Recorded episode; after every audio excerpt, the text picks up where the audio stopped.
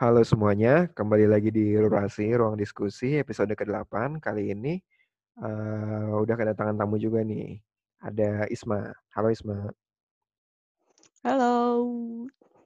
Isma. Sampai juga akhirnya masuk Rurasi. uh, uh, aku Isma. Uh, ya boleh kenalan dulu Isma. Boleh kenalan dulu ya. Nggak boleh, nggak Jadi boleh. sekarang uh, kalau buat teman-teman yang nggak tahu aku, aku di sini uh, mungkin kita kena aku kenalan sama Danhar di Plano. Jadi sama-sama teman dari kampus. Terus uh, kemarin baru lulus dan sekarang aktivitasnya bekerja sehari-hari di ya, kantor. Iya. Sudah uh, di mana sekarang kerja di mana? Rahasia lah, instansinya rahasia. Oke. Okay gimana? Jadi kamu lagi sibuk ngerjain proyek apa? Sibuknya sekarang ngerjain proyek bendungan dan kebetulan karena sekarang udah beres pandemi, enggak sih belum, bakal mau dinas sih uh, minggu depan ya. Dan kesibukan lain di ngerjain desain-desain buat beberapa tempat lah, termasuk Rurasi. Yeah. Jadi halo perkenalkan aku desainer dari Rurasi. Yeah. Uh, Oke, terima kasih Isma. Jadi uh, benar, jadi ini salah satu tim relasi juga buat uh, yang mendesain apa yang ada di ruang publikasi kita di Instagram dan di mana pun itu.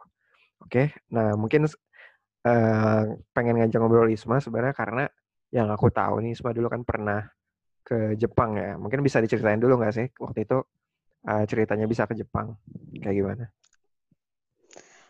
Itu pas kuliah ya. Jadi dari dulu tuh emang suka banget sama Jepang dari SMP SMA tapi bukan wibu. Nah terus uh, tahu tuh pas masuk plano tuh ada pertukaran pelajar. Pertukaran pelajar dari Ritsumeikan University dan sering banget ngeliatin kakak kelas maksudnya ngestok ngestok kakak kelas gitu kakak kelas buat eh yang exchange ke Jepang. Nah akhirnya uh, ada kesempatan selain exchange itu ada kesempatan di tingkat tiga itu buat ke Jepang itu dari Busri. Jadi Busri itu dosen di Plano, dia di bidang infrastruktur dan uh, ngajak mahasiswa Plano itu buat ke Jepang ikut short exchange gitu kayak 10 hari doang gitu ke Jepang buat tahu infrastruktur sampah di sana. Nah, akhirnya ikut seleksi dan akhirnya lolos, akhirnya berangkat tuh ke Jepang untuk pertama kalinya.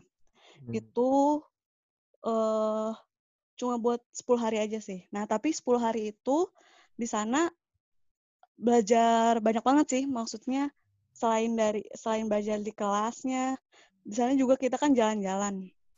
Nah, jalan-jalannya tuh ke tempat-tempat wisata di sana dan juga kita jalan-jalan ke desa, nginep-nginep di desa gitu deh. Itu tuh. Terus uh, selain terus, ya. abis itu pernah juga ke Jepang selain itu uh, pas tingkat akhir itu cukup lama sih, maksudnya satu semester di Jepang dan sebenarnya di sana kita cuma belajar doang. Nah, tapi kita coba ikut-ikutan kegiatan di sana aja kayak ada komunitas apa, uh, ada kegiatan apa, ikut-ikutan aja acara-acara di sana dan ya ikut jalan-jalan ke mana pun teman-teman pergi gitu termasuk jalan-jalan ke desa gitu. Nah, itu tuh jadi karena ini kita membahas desa, sebenarnya pengen banget nanya-nanya tentang desa di Jepang sih. Ya kan so, waktu itu soalnya kemarin aku pernah pas ngobrol sama Faris atau sama siapa gitu. Nanya juga kan, emang kalau di luar itu kayak gimana sih? Ada pertanyaan kayak gitu gitu. Sedangkan aku juga nggak hmm. pernah, Faris nggak pernah, jadi kayak kita cuma berasumsi gitu. Nah ini kamu kan sebagai yang pernah ke sana, mungkin uh, first impression dulu deh mungkin dengan desa-desa okay, di Jepang okay. kayak gimana? First impression ya, first impression itu aku yang pertama kan berarti uh, hmm. ketika di uh, pertama kali ke Jepang itu pas buat ke desa di Miyazaki. Miyazaki itu uh, kayak di bagian selatannya Jepang gitulah. Nah itu tuh kayak cukup kayak desa bang, eh maksudnya kayak daerah sepi banget gitu loh, bukan kota, hmm. bukan kotanya Jepang, maksudnya bukan daerah-daerah Tokyo atau bukan daerah, maksudnya kotanya aja tuh udah sepi gitu. Nah, hmm. terus diajak buat nginep di sana, buat nginep di tempat desa desa, itu tuh jauh jaraknya jauh banget sih dari kotanya. Mhm. Dan yang bikin kaget tuh adalah jalannya tuh selalu mulus gitu. Kayak Oke. sampai di titik mana pun, di titik sampai rumahnya tuh nggak ada jalannya tuh masih kayak kita berasa mau ke bandara gitu misalnya.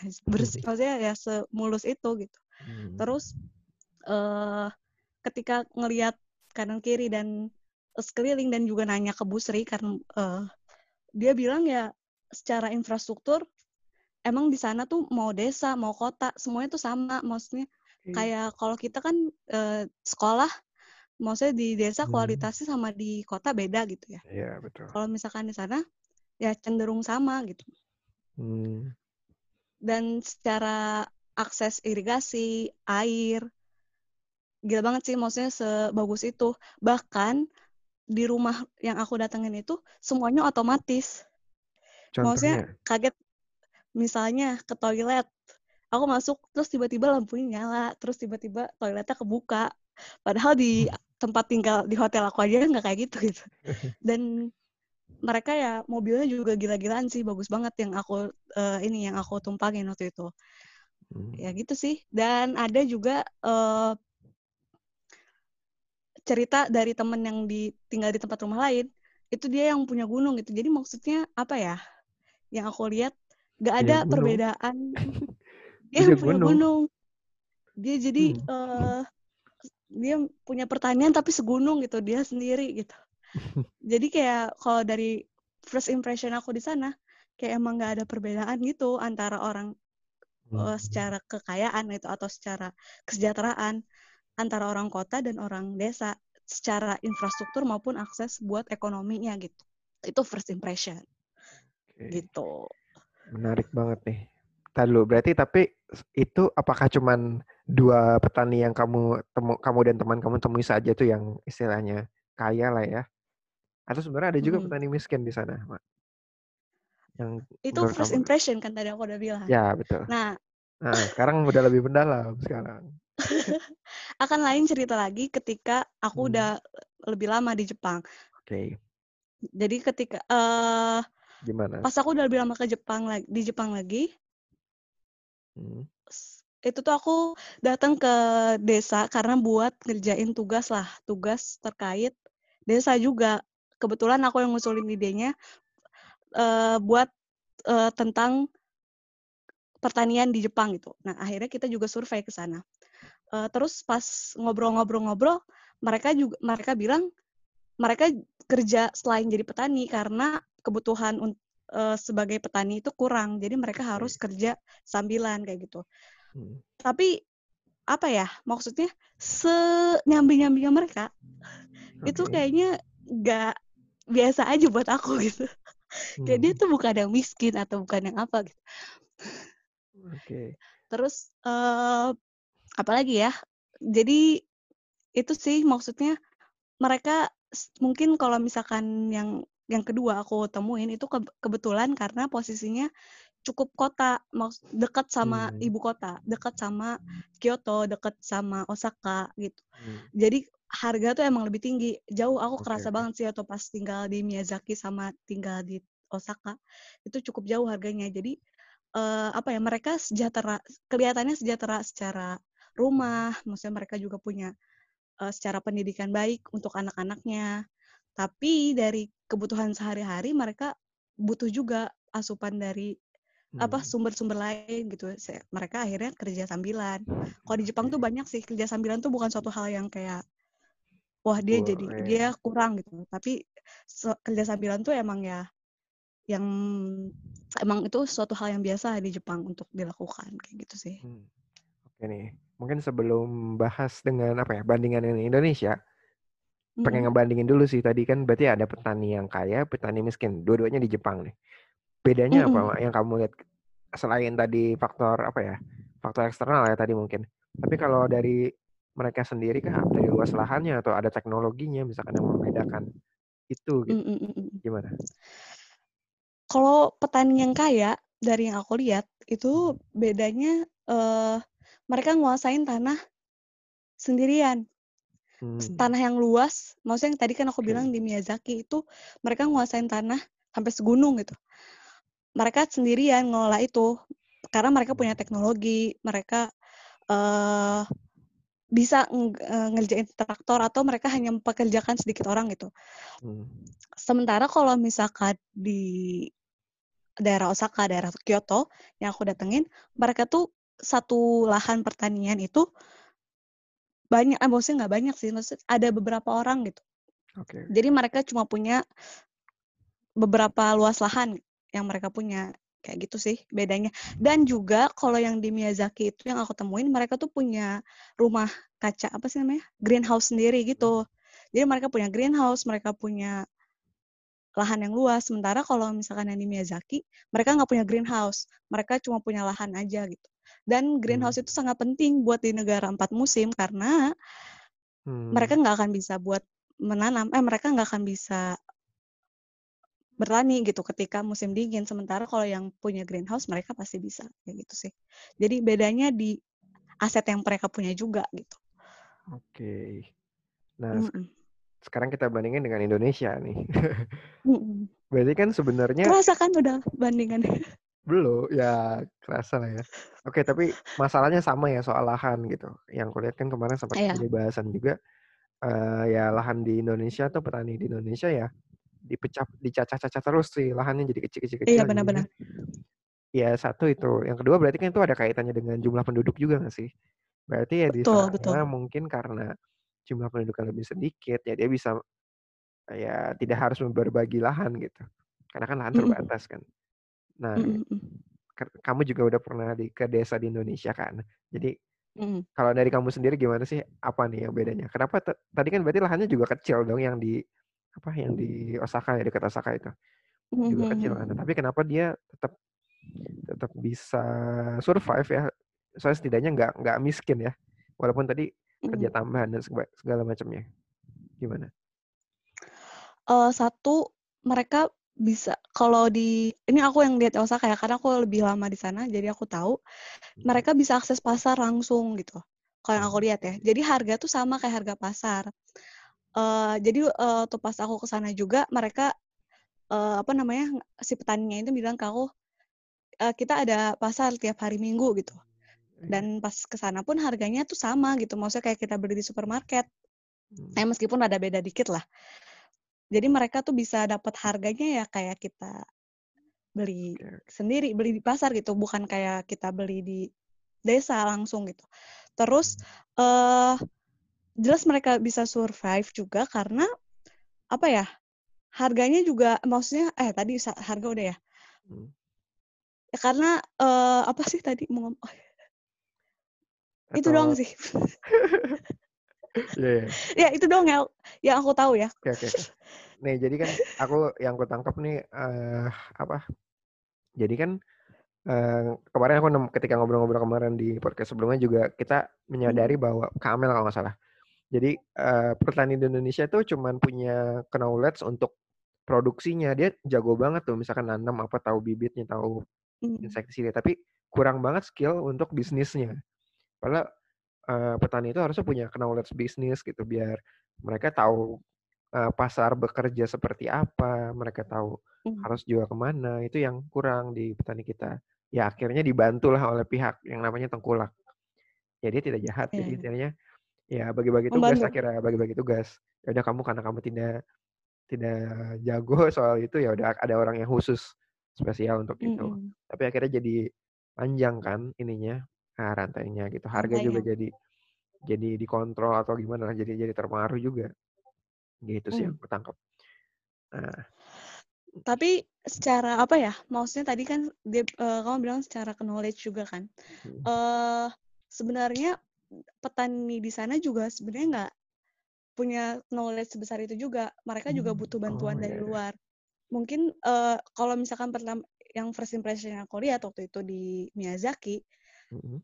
tadi satu karena mereka punya lahan yang banyak dan sebagai dan mereka juga udah manfaatin teknologi dan segala macam tapi kalau yang di daerah Osaka Kyoto dan sebagainya itu masih perlu masih perlu dibantu bahkan orang Jepangnya sendiri menyadari bahwa mereka tuh butuh akses buat ke pasar, buat ke kota. Jadi Hmm. maksud eh, yang aku bilang tadi mereka punya akses ke pasar itu, mereka akses pasarnya cuma pasar-pasar di desa aja. Hmm. Mm-mm. Tapi mereka maksudnya yang aku datengin waktu itu nggak nggak nggak mengakses pasar luas ke daerah kota. Jadi Oke. karena apa ya? Yang aku datengin itu juga dia nggak produksi massal juga. Maksudnya produksinya kan nggak terlalu besar. Hmm. Jadi Berarti yang orang di kota kira dari mana dong, Mak? Apa dari desa-desa Nah, yang jauh itu? nah, nah, permasalahan di Jepang sekarang Hmm. itu mereka hampir mereka Impor. tuh terbesar impor, terbesar Hmm. impor eh, pertanian keempat di dunia gitu loh. Ini Hmm. berdasarkan aku belajar pas di kelas ya. Wow. Pas di eh, mereka tuh terbesar impor eh, keempat di dunia eh, dari Amerika sumbernya.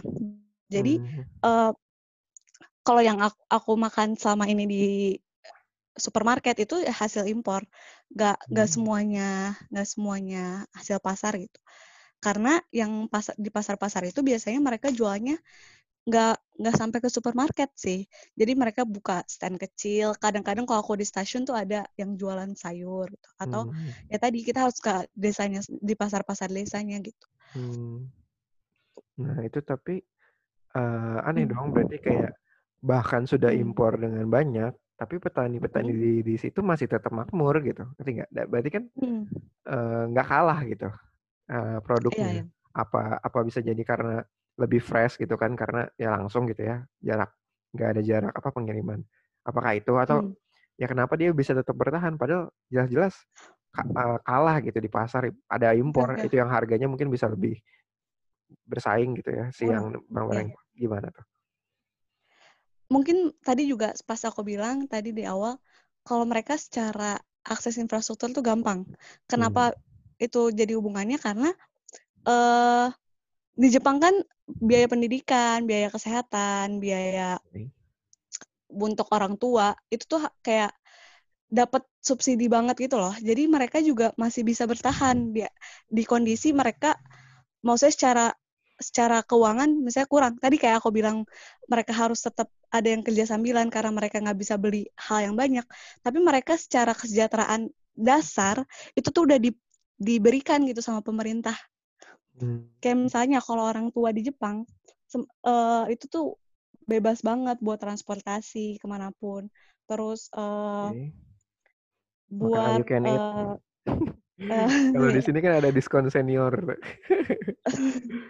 enggak ini gratis gitu buat buat buat akses ke apa namanya ke naik transportasinya. Terus mereka juga kan eh, gratis buat ke sekolah-sekolahnya. Jadi tadi aku bilang mereka sekolahnya bagus ya karena emang sekolahnya juga gratis buat orang-orang di Jepangnya gitu. Jadi Hmm. ya kitanya aja ngeliat maksudnya tadi aku bilang sejahtera tuh ya sejahtera secara kebutuhan dasar tapi mereka ya nggak bisa afford banyak juga gitu. Karena ya tetap tadi aku bilang dia juga harus membe, apa ada sambilan lain gitu. Hmm. Tapi intinya bisa hidup primer gitu maksud intinya bisa hidup intinya bisa Dengan hidup. layak, hidup dengan layak layak dengan layak. Ya makan ya bisa makan tapi makannya juga udah layak dan tempat tinggal, akses. iya dan mereka kan juga punya Hmm. sumber pena- maksudnya punya lahan kan mereka dari yang aku datengin berapa biji ya? Eh ya tiga lah ya sedikit tiga itu tiga tiganya semuanya setiap aku makan di sana ya mereka dari pertanian mereka sendiri jadi ya mereka juga ya nggak perlu beli tempat lain gitu atau enggak tukeran sama petani sebelah gitu maksudnya tukeran Oke. kalau Hmm. petani sebelah bikin apa dia tukeran bikin yang lain kayak gitu sih Oke. Oke oke Hmm. oke. Iya ya. Itu poin yang penting sih terkait infrastruktur dasar ya. Hmm. Nggak har- apa ya? Ya sebenarnya sekarang pemerintah nggak salah ya. Nge- apa kan banyak sekarang dana desa buat infrastruktur jalan, buat kayak gitu-gitu lah ya. Dan itu Mm-mm. seharusnya memang memang wajib gitu maksudnya dalam artian kalau itu belum dipenuhi sekolah, pendidikan, kesehatan kayak gitu ya untuk hal lain nggak akan bisa ini juga Hmm, ya benar maksimal gitu. Pasti ada kendala-kendala di situ. Oke. Nah, dan menjadi hal wajar gitu ya hmm. eh ke- kalau misalkan kondisi kayak gitu karena pe- master plan di Jepang itu udah selesai 30 tahun yang lalu gitu Hmm. Jadi Contohnya, berarti kalau Indonesia prime maksudnya Indonesia 2045-nya udah udah lewat gitu. Gitu nggak? Iya, eh maksudnya secara pembangunan jalan, infrastruktur dasar, sekolah, kesehatan dan segala macam master plan besarnya eh, struktur di kota Jepang itu udah beres 30 tahun yang lalu. Jadi mereka tuh udah, dari 30 tahun yang lalu tuh udah merasakan kesejahteraan itu gitu, kesejahteraan dasar gitu. Atau kayak infrastruktur-infrastruktur dasar itu gitu. Hmm, iya, Mereka ya menarik, tinggal menikmati menikmati si pembangunannya aja. Oke, oke. Tapi ini jadi masalah baru juga buat pen- eh, pemerintah Jepang sebenarnya. Kalau mereka udah beres 30 tahun yang lalu. Kenapa jadi Eh, masalah? karena ya sektor infrastruktur di sana jadi mati kalau di Jepang. Hmm, Oh gitu. Makanya eh, banyak makanya Contoh, banyak oh ya. perusahaan-perusahaan Jepang yang infrastruktur tuh yang pindah ke pindah ke ini, pindah ke negara-negara lain. Kayak di kita kan jadi banyak Oh, tuh.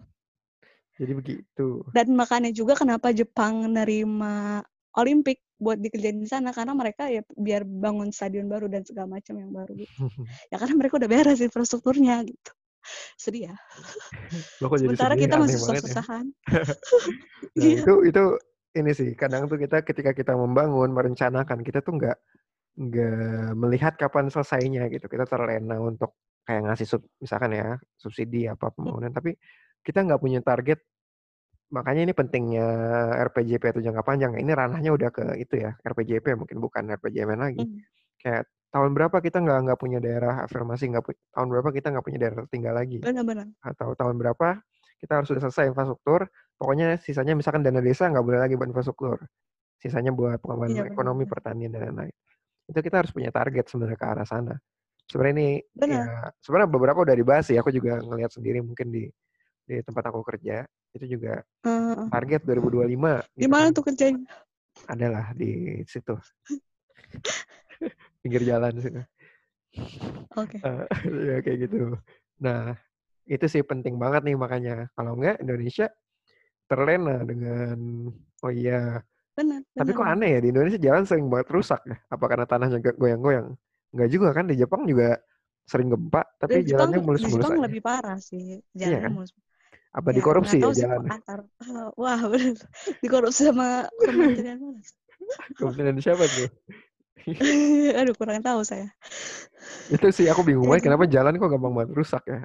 Itu kan sebenarnya bisa diatur ya setahu aku. Emang ada iya ya bisa bisa. sengaja Ada bikin ada. umurnya berapa atau Iya. itu sih yang harusnya Dan jadi concern. Kalau maksudnya fokus gitu bukan satu satu hmm, diselesaikan kan. Ini jadi kayak nanggung benar-benar.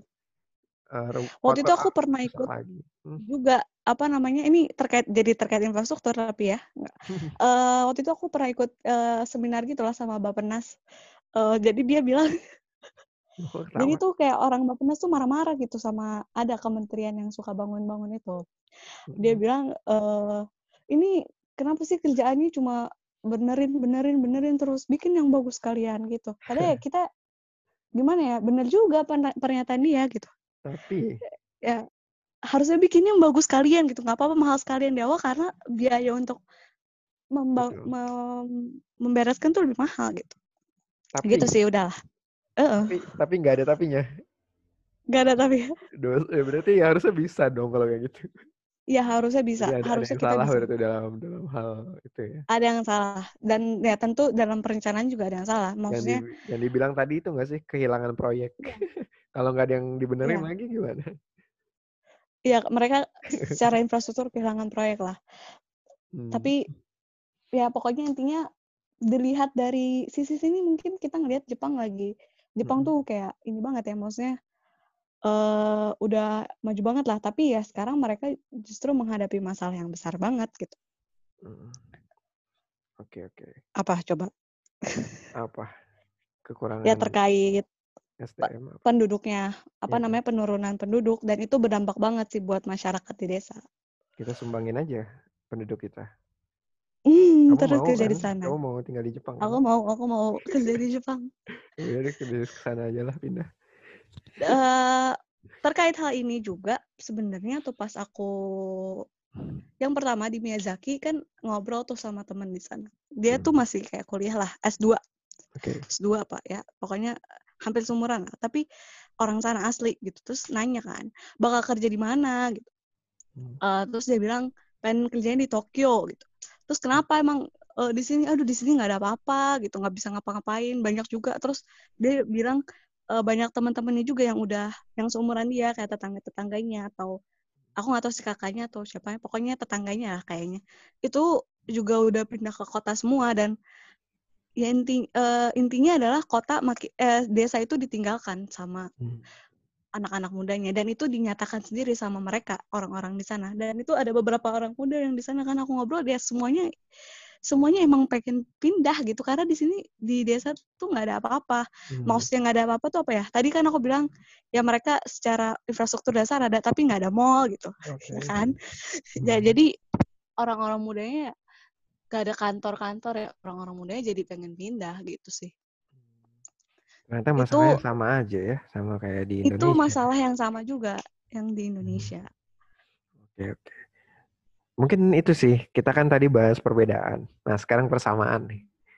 Oh, tadi udah nyerempet ke persamaan ya? Tadi satu tuh. Nah, sekarang apalagi sih sebenarnya persamaannya desa di sana dan di Indonesia?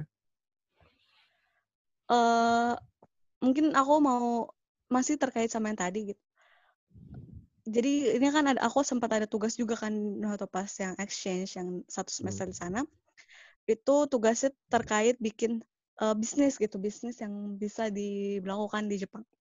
Hmm. Nah terus uh, brainstorming brainstorming lah sama teman-teman di sana. Uh, mereka bilang permasalahan utama mereka jelas itu terkait penurunan jumlah penduduk. Hmm. Penurunan jumlah penduduk tuh udah gila-gilaan banget lah intinya. Dan itu sangat berdampak gitu sampai ke tingkat impor yang tadi aku bilang. Okay. Karena ya orang-orangnya nggak ada yang mau ke pertanian. Nah akhirnya pemerintah Jepang sendiri pun uh, apa ya harus apa sih ngasih kayak ngemigrasiin anak-anak muda gitu loh ke sana. Mm-hmm. Nah tapi itu nggak nggak berlaku. Nah akhirnya ini terkait tugas aku tadi. Akhirnya kita bikin uh, bisnis yang kayak jalan-jalan ke desa gitulah gitu. Hmm. Jalan-jalan ke desa terus ceritanya buat anak-anak SD TK buat nanamin uh, kecintaan gitu ke okay. ke de, ke desa. Tapi gimana ya? Itu tuh sama eh maksudnya aku justru uh, aku kan ngusulin itu ya terkait kayak main-main ke desa gitu. Uh, terus uh, pura-pura bukan pura-pura nanam. Ceritanya menanam gitu ya. Ketahuan. Menanam di menanam. menanam gitu di menanam di desa gitu, terus menanam di desa terus uh, supaya menumbuhkan rasa kecintaan itu. Dan kayak di Indonesia juga banyak nggak sih yang kayak gitu? Maksudnya kayak yeah. wisata buat nanam dan sebagainya. Uh, mungkin pada kalau secara filosofis ya mereka juga pengen menanamkan uh, ini juga apa namanya rasa kecintaan terhadap desa, rasa kecintaan terhadap pertanian. Tapi kayaknya nggak ngefek juga nggak sih? Maksudnya nggak sih? Ya. Yeah. Karena mm. ya pertanian tuh kayaknya di semua negara juga sih. Itu terlihat tua yes. untuk semua orang. Bisa jadi, ya mungkin. Hmm. Oke, okay, berarti kalau yang gue tangkap sebenarnya beda ya dalam artian uh, latar belakang masalahnya beda. Sebenarnya kan Jepang Wah, tuh turun, Jepang turun, hmm. tapi Indonesia kita... naik gitu. Tapi ini kan sama-sama soal urbanisasi ya. Jadi kayak maksudnya yeah. Iya. uh, anak-anak mudanya udah nggak berminat lagi sama di mau di sana. Padahal hmm. bak itu jadi maksudnya kita bisa bisa melihat juga ya bahwa uh, mau udah bagus pun pertanian tetap aja gitu nanti di masa depan Indonesia udah yeah. bagus tetap aja ada masalah soal generasi muda yang uh, mungkin nggak akan tidak mau. lagi ke pertanian. Itu yeah. itu ya kita bisa melihat diri kita di masa depan akan bisa jadi kayak gitu ya. Nah, itu tapi kalau kayak gitu cerminan gitu, kita uh, betul cerminan. Nah tapi itu kan pertanyaannya jadi nanti suatu hari nanti siapa yang bakal bertani siapa yang nanti bakal tetap di desa gitu. Maksudnya kan um, tetap apakah nanti sistemnya kita uh, antar negara gitu ya. Berarti kan impor nih. Ya udah jadi yang nanam nggak perlu kita yeah. gitu. Karena lama-lama kan jadinya kayak gitu ya. Iya, yeah, iya. Yeah. Nah, cuman Indonesia kan oh. sebagai negara yang seharusnya agraris. subur, makmur, agraris, agraris kan namanya. Apakah iya kita meninggalkan jati diri apa istilahnya? Aku bingungnya itu sih kayak kalau diturutin gimana gitu nanti nggak ada lagi yang mau jadi petani. Terkait, hmm. hmm benar-benar. terkait itu ya, aku pernah dengar gitu, maksudnya terkait jati diri bangsa kita gitu. Mhm. Uh, kita tuh agraris dan sebagainya. Ada waktu itu siapa ya yang bilang? Dan ini dari Kementerian Kelautan gitu. Jadi kenapa uh, nelayan-nelayan itu masih pakai yang biasa apa namanya perahu-perahu biasa nggak pakai yang besar itu tujuannya untuk uh, mempertahankan petani karena eh, mempertahankan nelayan karena kalau misalkan diganti sama teknologi nggak akan ada lagi nelayan gitu hmm. jadi aneh ya maksudnya dari aneh. pemerintahnya mau membuat itu jadi nggak berteknologi supaya mereka tetap mempertahankan pertanian tapi benar juga sebenarnya misalnya kayak drone-nya Faris eh Faiz hmm. kalau pakai drone-nya Faiz nggak akan ada orang-orang yang ngerjain hmm. uh, apa namanya nginin sawah kan. Nyiram itu nyiram atau apa sih? Disinfektan apa gimana? uh, disinfektan. Disinfektan sih lebih ke obat. Hmm. disinfektan Bukan disinfektan kan? disinfektan apa? buat obat. ini dong. Eh maaf ya is apa sih? Ya gitu pestisida disinfektan buat corona ya? Iya. Gak juga. ya, tanaman enggak corona. Ya buat pestisida gitu. Uh, di Jepang juga yang yang aku bilang dia di gunung dia juga sendirian gitu. Apa ya? Artinya kita biar nggak ditinggalkan gimana caranya si pertanian ini tetap padat karya gitu. Hmm. Tapi tetap menghasilkan. Ya kata tadi kamu bilang petani nggak bisa nggak uh, bisa akses ke pasar, makan dibantu tengkulak terus semuanya jadi memiliki pendapatan gitu ya meskipun tidak atau seimbang. bisa jadi atau atau itu bisa jadi satu itu atau bisa jadi di masa ya. depan ya. tuh memang kita nggak butuh orang di desa nggak butuh banyak-banyak hmm. cuman beberapa orang aja yang sesekali ke lahannya uh, ngejalanin mesinnya terus udah balik lagi ke kota semua orang tinggal di kota hidup nyaman ada fasilitas lengkap ya udah ke desa benar-benar cuman untuk ngecek lahannya aja gitu apa kayak gitu? Artinya di robot, di otomatisasi semuanya gitu. Oh, itu dengan kondisi Indonesia udah di posisi sangat turun gitu ya kondisi orang-orang ya. ya Maksudnya ya, kita kita ngeliatnya Jepang nih sekarang. Jepang udah mulai betul ya, ya. mulai ke arah sana gitu. Lama-lama kan ya, butuh ya. banyak orang kan di sana. Satu orang udah cukup. Hmm. Ya udah berarti sisanya tinggal di kota dong. Paling mereka sesekali ya, ke iya. desa ya. buat ngecek lahannya, nyiram, udah balik lagi gitu ke kota. Kayak gitu nggak akhirnya? Soalnya gini, aku sering banget mendebatkan soal apa sih desa maju gitu. Mm. Apakah dia kota yang apa desa maju itu menjadi kota gitu, atau ya dia tetap desa tapi dia maju. Nah itu kan uh, bingung ya, kayak. Iya ya. Tadi tadi aku sempat maju untuk padahal mm. udah sempat ini loh kayak ngeliat oh berarti bisa loh desa maju ya kayak di Jepang infrastrukturnya oke sekolahnya oke apa terus ya kegiatannya tetap pertanian dominannya gitu bukan karena hmm. dia ekonominya bukan membaik karena apa wisata atau apa gitu ya, karena pertanian kan tapi tetap aja tadi ya ternyata orang-orangnya pergi iya pergi ya berarti desa maju yang aku lihat ya orang-orangnya harus sedikit isinya biar dia punya lahan banyak Mungkin ya. dia kayak gitu nggak mungkin ya bisa sih tapi di Jepang pun itu menjadi benar ya dengan konteks di Jepang. Hmm. Ya kita lihat ya ntar di Indonesia apakah akan ada tren turun suatu hari nanti ketika sudah lama atau tidak gitu ya.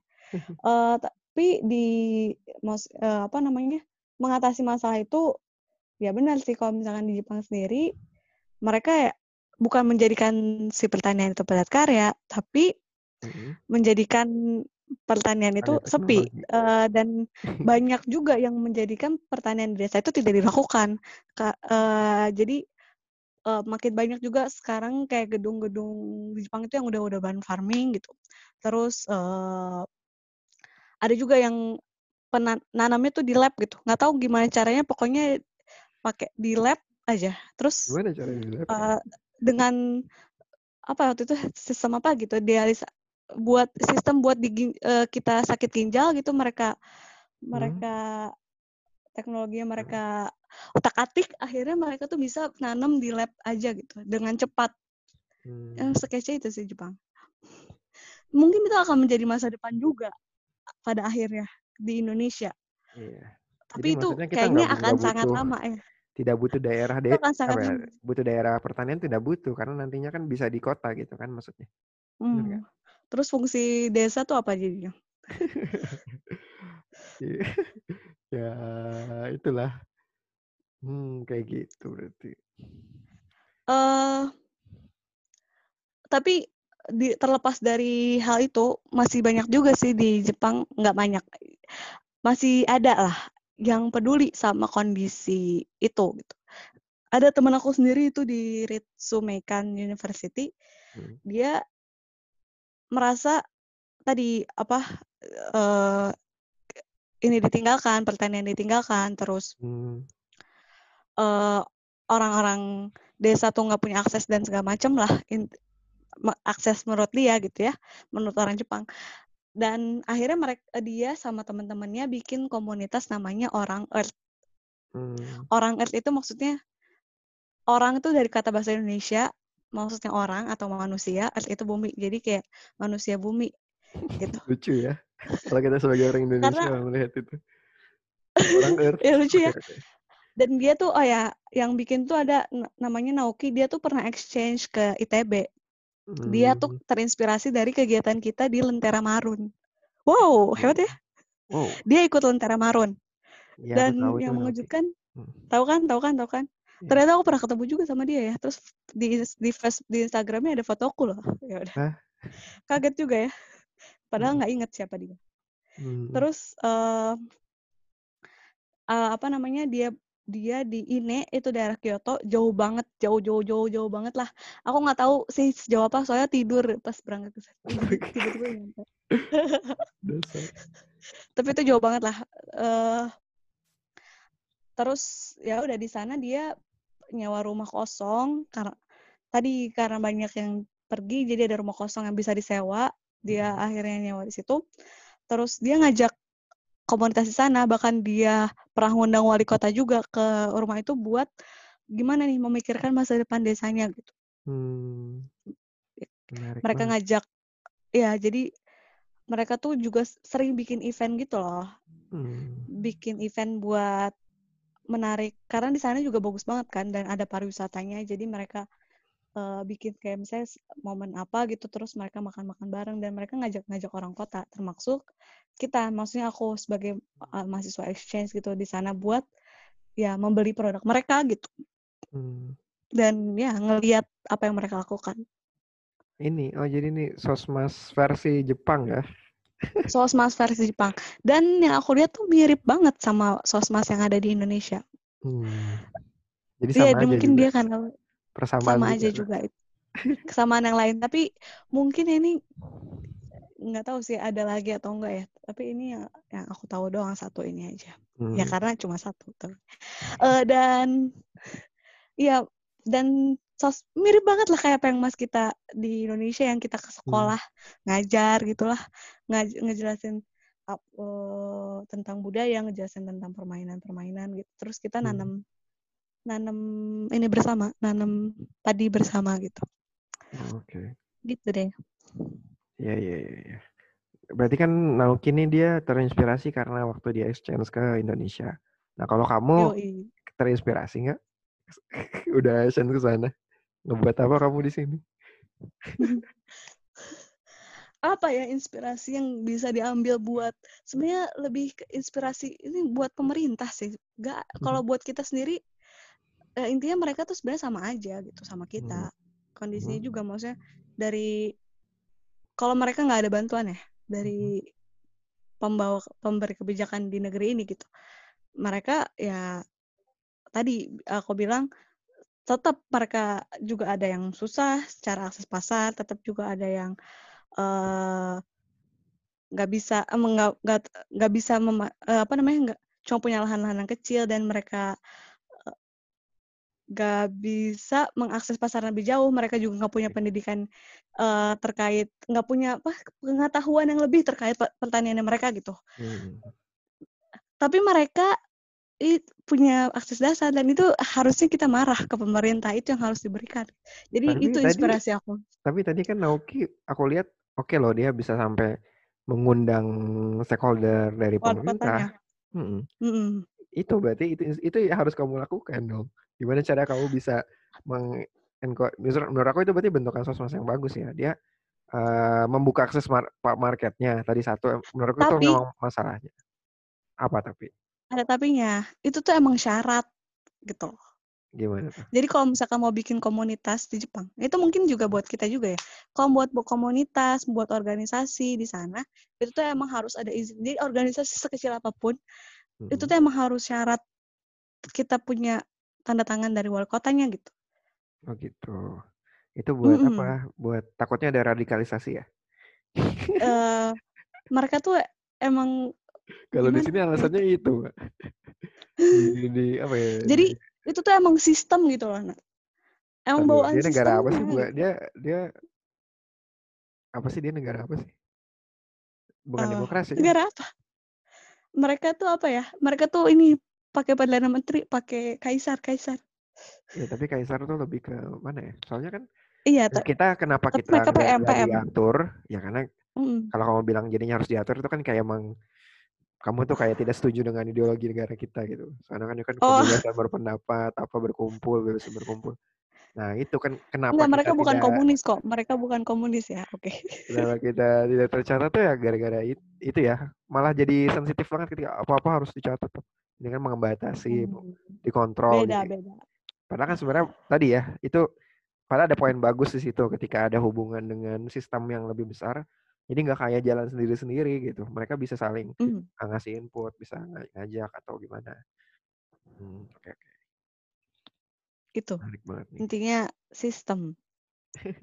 Ya tapi berarti bisa jadi Dan nggak kita bukan bisa sebagai bisa tetap kan? maksudnya ya ya kita nggak ada sistemnya, tapi ya kita sebagai Mhm. pelaku, mungkin kamu sebagai pelaku, aku enggak, eee, bisa pelaku di desa ya maksudnya atau pelak mungkin buat teman-teman yang yang lain, Mhm. ya bisa mencoba untuk me ngajak gitu loh, mengajak pemerintah buat ya melihat ini kondisinya begini nih. Iya iya iya. Betul betul. Ya padahal pemerintah sendiri juga tahu gitu kondisi kayak gitu, gitu. Iya, karena sudah terstruktural apa istilahnya tuh, sudah mendarah Iya. daging dalam sistemnya ya. Bener-bener daging. Iya. Iya iya. Betul betul. Dan banyak Iya. banget desa di Indonesia tuh. Nggak tahu ya kalau di Jepang tuh proporsinya gimana sih? Memang udah jarang kah desa atau atau gimana? Mmm. Aku merasa ngerasanya Banyak? apa ya, mereka banyak bukan banyak desanya, tapi secara kota intinya tuh nggak terlalu banyak. Jadi kan Mmm. tadi, eee, kita udah ba bahas bahwa mereka kan udah beres tuh 30 tahun yang lalu gitu. Dan Mhm. jadi kita setiap ke satu kota ke kota yang lain tuh kerasa gitu loh green belt-nya. Oh. Iya, jadi Iya. maksudnya kita ngerasa kita per kita pindah dari, eee, kota, terus, eee, kita ngerasain green belt, terus kita kalau kita mau belok ke suatu tempat itu masuk desa, terus kita kalau masuk lagi ke kota. Jadi aku nggak tahu sih gimana proporsinya kalau bentukannya kayak gitu ya. Mmm, tapi itu perencanaannya baik nggak sih kalau kayak gitu berarti? Karena Tentu tentu. ditahan gitu, ditahan. Ini membanggakan Jepang.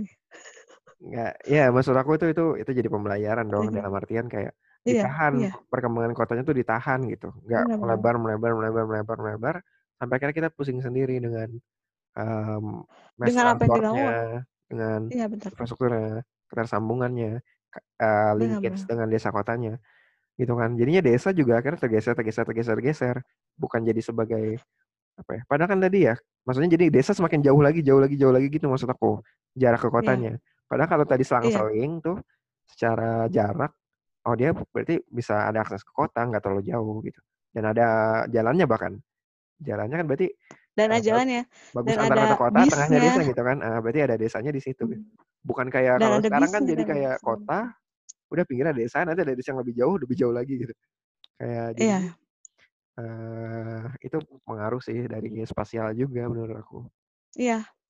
Emang dari Jepang itu tentang spasialnya kita belajar banyak sih. Mmm. Mereka tuh serapi itu buat nata kotanya, nata, Oke. eee, nata lingkungan, na nata kota dan nata desanya gitu. Mmm. Semua tuh udah diatur berdasarkan proporsinya masing-masing menurutku. Dan itu ya yang harus kita lakukan juga gitu. Tapi dengan kondisi yang udah sekarang menurut kamu bisa nggak? Kan kita mau pindah ibu kota. dilakukan. Jadi nanti di sana digusur lagi gitu? Nggak, maksud aku ya, ya kita lihat aja nih bua buat baru aja, kan ini Oh. kan buat baru nih, buat ibu kota baru, daerahnya baru, kalau itu bisa berhasil, ya oke lihat. gitu. Tapi kalau itu aja nggak berhasil gitu, ya gimana mau nyelesain yang udah carut marut gitu, pemerintah Iya, kita. benar. Itu kan ya relatif bisa lebih mudah ya karena ya udah gitu. Tapi kalau sekarang ya menurutku memang lebih sulit gimana cara kita bisa mengendalikan pembangunan lewat instrumen lain bukan dengan menghancurkan atau membangun baru, tapi lewat regulasi, lewat Benar. koridor-koridor yang akhirnya karena kita kan negara ini karena juga lagi-lagi ada kaitannya dengan ideologi juga kan sih, Mbak, menurut aku. Itu kita bukan kayak, oh ya jelas punishment-nya kayak gini atau gimana, nggak boleh. Iya. Ada hak-hak yang tetap makanya kan kita harus cuma bisa ngoridorin gimana caranya pembangunan tuh bergerak sesuai arah, sesuai regulasi kita arahnya ke mana gitu. Oh ya pajaknya Iya. ditinggiin di bagian sini, misalkan kayak gitu. Berarti kan kalau sekarang bisa aja pajak di desa kita rendahin lagi deh gitu. Rendahin banget gitu, terus harga-harga murah, apa disubsidi kita eee, beasiswa apa, untuk khusus masyarakat desa. Ya siapa yang nggak mau tinggal di desa kalau udah kayak gitu. Itu kan akhirnya. Itu sih menurut aku, Iya. kalau soal pemerintah. Dan oh ya, tadi ngomong-ngomong soal ideologi, Mhm. ini nggak tahu ini apakah cuma orang tertentu doang atau kayak hampir tapi sepemahaman aku dan sengobrol aku dengan teman-teman di, eee, Jepang ya, mereka tuh kan emang nggak punya agama ya, secara maksudnya hampir rata-rata nggak punya keyakinan terhadap suatu Tuhan gitu. Tapi mereka tuh orangnya punya keyakinan terhadap benda-benda ter maksudnya terhadap lingkungan sekitarnya. Misalnya mereka percaya bahwa eee, pohon itu punya nyawa, mereka percaya bahwa benda yang kita apa namanya, apa pun yang mereka punya tuh punya nyawa. Terus, eee, setan di Jepang pun yang mereka percaya gitu, eee, percaya kalau misalkan kita berbuat buruk, setannya juga akan berbuat buruk, kalau kita berbuat baik, mereka juga berbuat baik. Itu juga, eee, yang bikin apa ya, misalnya terkait penebangan hutan, terus terkait, eee, merusak lingkungan kayak gitu-gitu terjaga gitu, nggak nggak dilakukan dan itu emang beneran mereka lakukan. Mmm. Jadi maksudnya gimana ya cara bilangnya, aduh ini udah di mati Indonesia juga sih? kayak gitu tapi di Indonesia juga kayak Dan di gitu. Indonesia kayak gitu. Maksudnya Tapi tapi itu tuh nggak anu kayak gitu maksudnya ah. gimana ya, Gimana? di Indonesia kayak gitu, tapi kan nggak kayak di desanya Gisma apa gimana ya, Mhm. yang mereka yang nggak mau nebang pohon di suatu titik tertentu gitu. Dan kepercayaan itu tuh banyak gitu loh di Jepang. Mmm. Kayak hampir semua orang gitu. Kayak kamu udah pernah mengelilingi Jepang saja. Enggak, maksudnya dari yang teman-teman aku ngobrol. Teman-teman aku ngobrol di Jepang gitu kan, itu maksudnya aku anggap mereka adalah mencerminkan orang iya. Jepang gitu.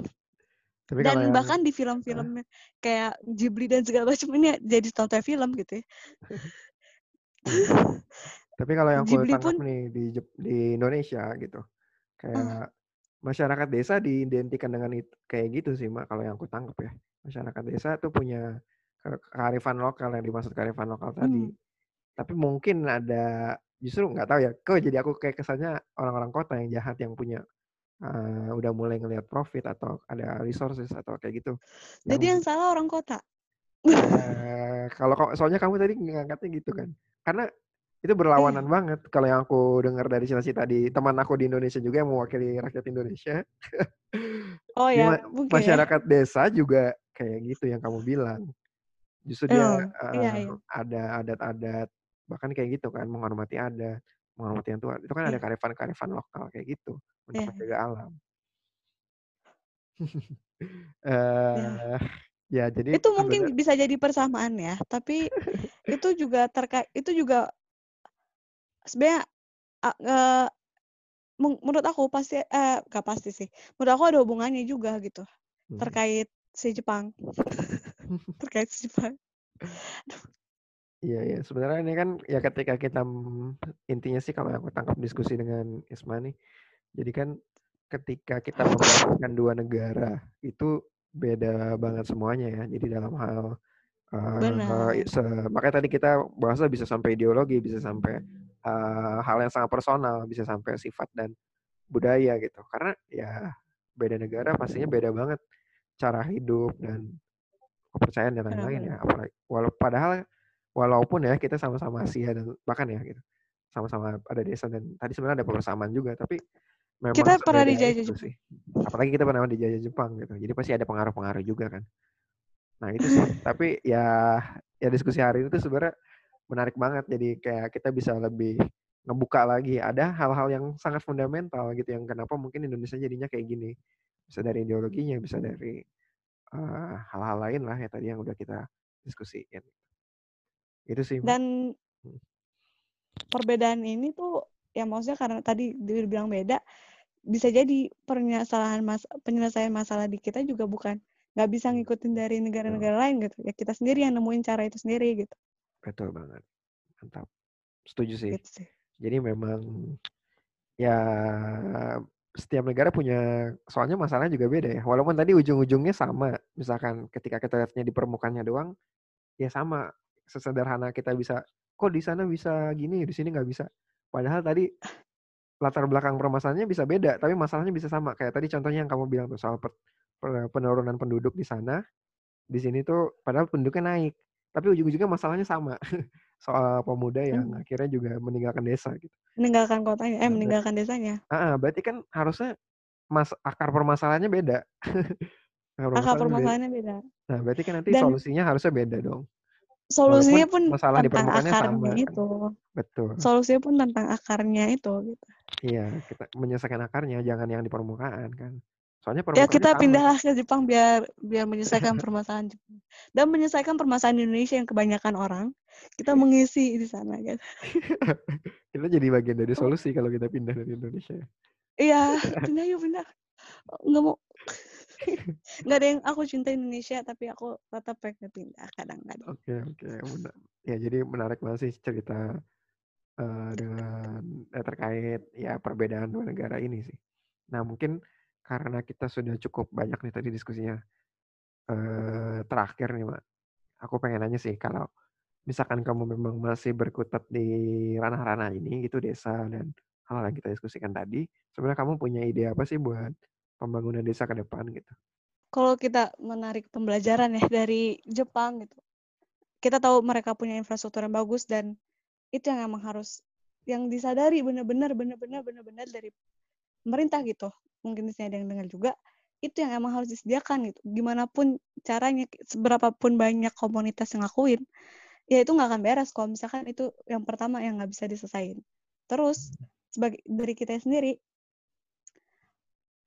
seharusnya mungkin kita terlalu banyak me- merasa bahwa kayaknya eh, apa ya desa harus diberdayakan dan sebagainya. Itu benar gitu.